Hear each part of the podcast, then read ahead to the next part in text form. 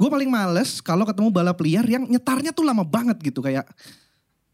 Gue nggak tahu ya di sini ada yang pernah ngerasain atau enggak tapi gue pernah sekali waktu pulang jam setengah dua pagi daerah Cempaka Putih tuh seberangnya apa Yarsi arah mau ke ITC itu ada ada yang lagi nyetar tuh lama banget. Masalahnya adalah gue lagi mules lagi diare.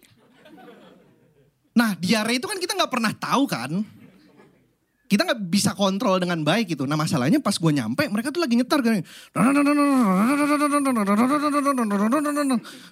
Berdua. Lama banget nyetar. Sini juga. Maksud gue kalau dia nggak nyetar-nyetar gue yang finish nih kan. Iya dong. Yang yang yang orang bengkel lainnya tuh bentar bang, bentar, bentar gitu ke madep ke belakang. Ada kali 10 menit gitu. Ada yang lagi ngoprek karbu. Begitu. Mesinnya mati terus motornya di pinggirin. Ya lewat bang. Eh. Eh. Eh. Kok manasin motor nutup jalan? Eh.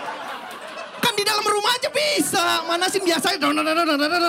Kenapa harus nutup jalan? Maksud, maksud gue, gue udah nahan mules. Gak jadi nyetar. Gue udah taruhan sama orang sebelah. Gue jadi gak tahu siapa yang menang nih.